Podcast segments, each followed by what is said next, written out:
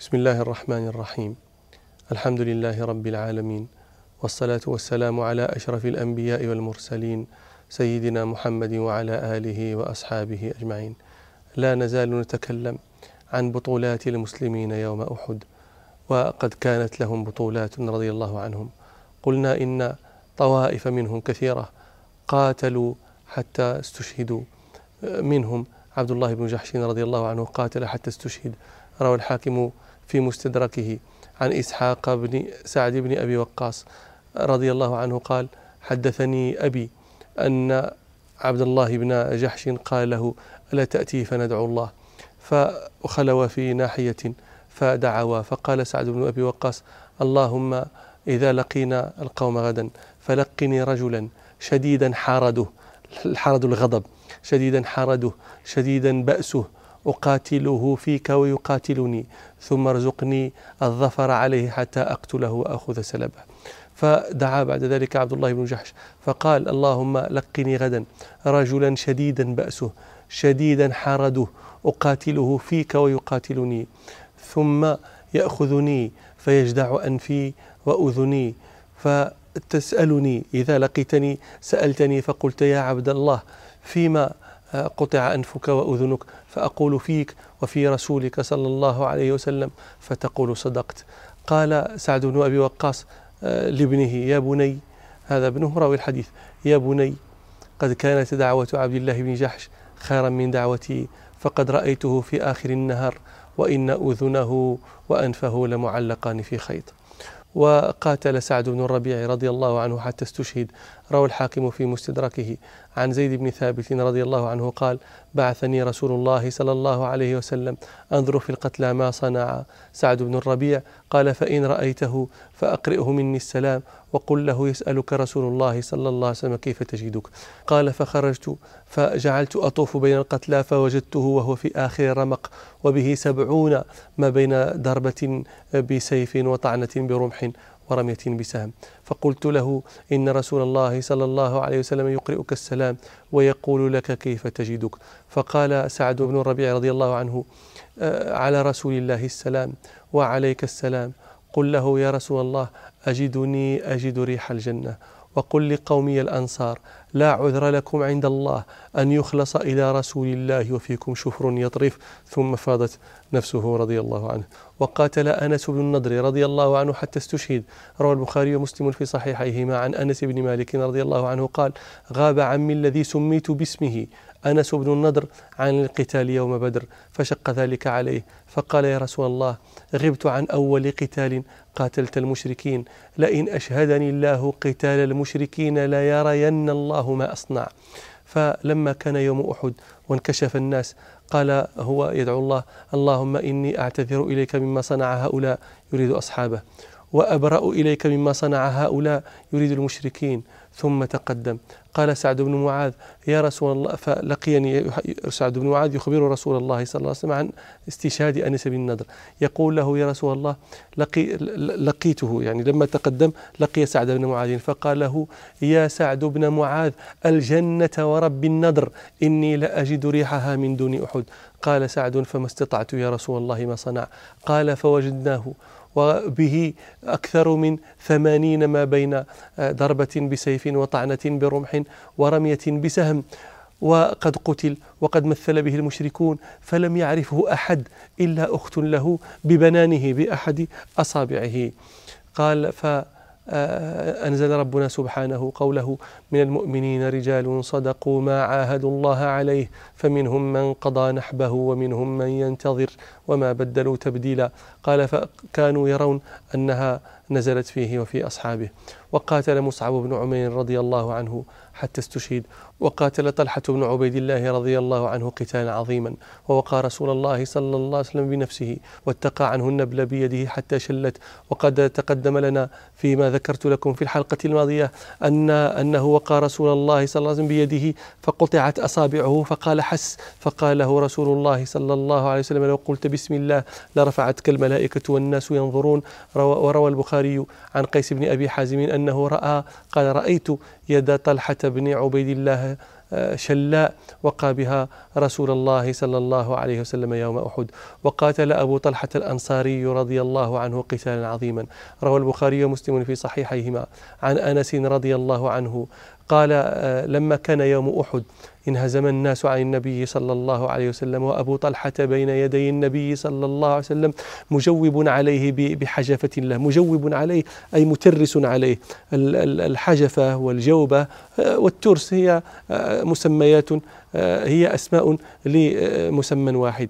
قال وأبو, وأبو طلحة مجوب على رسول الله صلى الله عليه وسلم بحجفة له. قال وكان أبو طلحة رجلا راميا شديد النزع شديد الرمي كسر يومئذ قوسين أو ثلاثة. طبعا هم كانوا يتخذون القسي من آه، جيد الأعواد. فليس من من اليسير أن يكسر القوس. آه، لو كان سهلا كسره لم يكن يصلح أن يكون قوسا.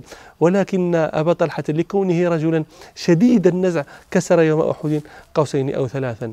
قال وكان الرجل يمر معه بجعبة من النبل فيقول له النبي صلى الله عليه وسلم انثرها لأبي طلحة. فكان إذا رمى تشرف النبي صلى الله عليه وسلم فينظر إلى موضع نبله فيقول أبو طلحة بأبي أنت وأمي لا تشرف يصيبك سهم من سهام القوم يا رسول الله نحري دون نحرك. وقاتل سعد بن أبي وقاص رضي الله عنه قتالا عظيما. روى مسلم في صحيحه عن سعد رضي الله عنه أن النبي صلى الله عليه وسلم جمع له أبويه يوم أحد. قال كان رجل من المشركين أحرق المسلمين يوم أحد. أحرقهم أي أثخن فيهم القتل كأنما يصنع فيهم فعل فعل النار. قال فقاله رسول الله صلى الله عليه وسلم ارمي فداك أبي وأمي. قال فنزعت له بسهم لا نصل فيه ليس فيه تلك الحديدة. قال فأصبته في جنبه فسقط وانكشفت عورته. قال فضحك رسول الله صلى الله عليه وسلم حتى نظرت إلى نواجذه.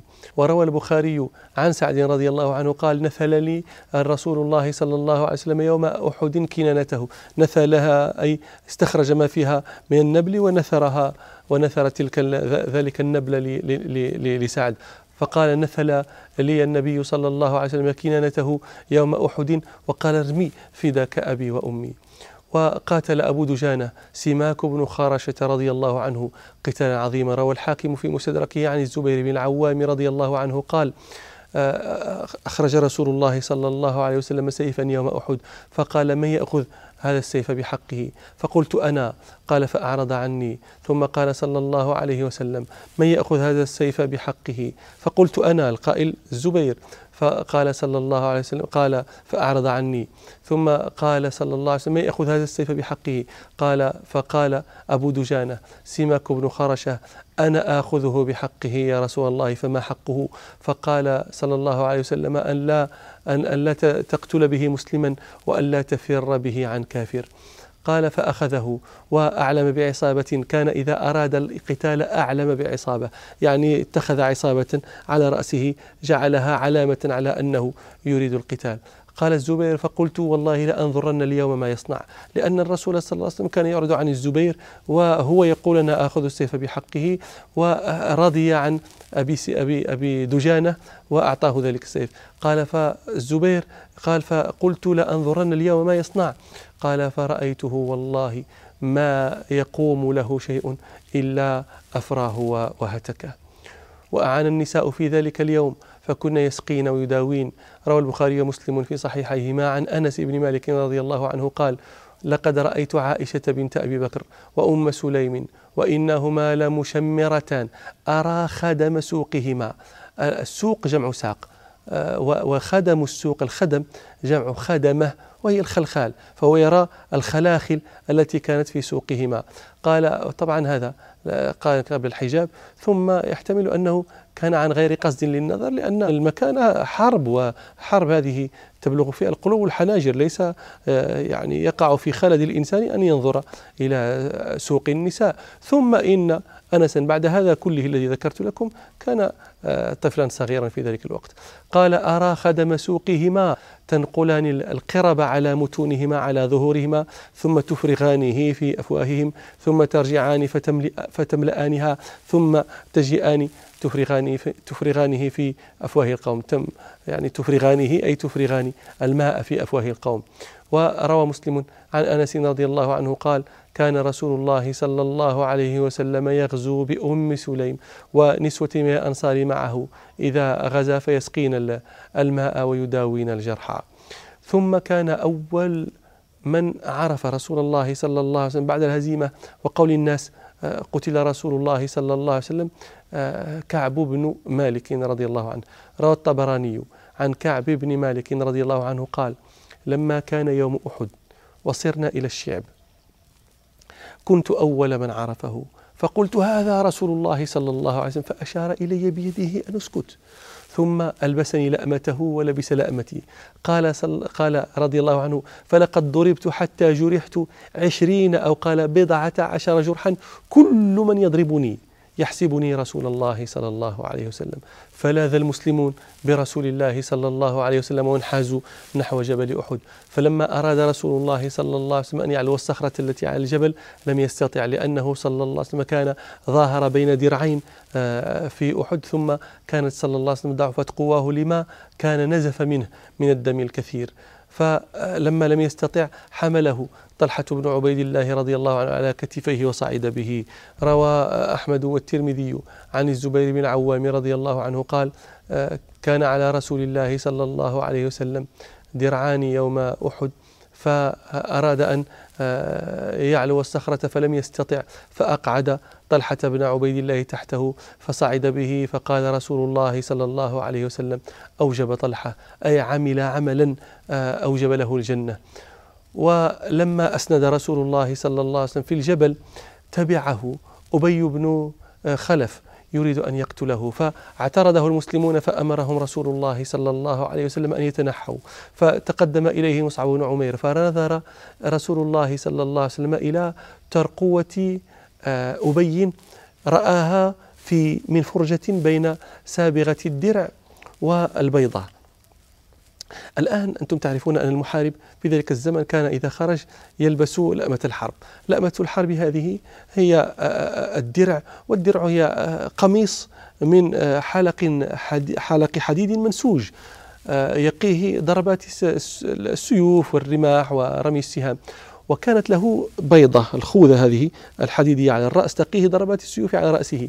لكن طبعا البيضة على الرأس والدرع هذه كالقميص فيبقى هذا موضع الرقبة موضع العنق آه، فيه خلل ظاهر. فماذا كانوا يصنعون؟ كانوا يصنعون شيئا يسمى السابغة. السابغة هو آه، حلق حديد أيضا إما يكون لاصقا بالبيضة أو يكون لاصقا في الدرع. يغطي هذا الموضع موضع الرقبة لئلا يكون خلل. هذا هو السابغة. فرسول الله صلى الله عليه وسلم رأى ترقوة أبي. الترقوة هو هذا العظم الناتئ يكون بين آه، ثغرة النحر والكتف. ولكل امرئ ترقوتان. فرأى النبي صلى الله عليه وسلم ترقوة أبي من فرجة بين سابغة البيضة والدرع. فرماه رسول الله صلى الله عليه وسلم بحربة. فسقط ذاك عن فرسه. لم لم يجرح لكن كسر ضلع من أضلاعه. فجاء أخذه أصحابه وهو يخور خوار الثور. فقال له ما أعجزك؟ إنما هو خج. فذكر لهم قول رسول الله صلى الله عليه وسلم بل أنا أقتل أبيا. كان رسول الله صلى الله عليه وسلم يذكر له يذكر له ذلك لأبي لما كان بمكة. روى ابن إسحاق وابن سعد بإسناد حسن بالشواهد أن أبي بن خلف كان يلقى رسول الله صلى الله عليه وسلم بمكة فيقول يا محمد إن عندي العود. العود هو المسن من الإبل. أعلفه كل يوم فرقا من ذرة أقتلك عليه.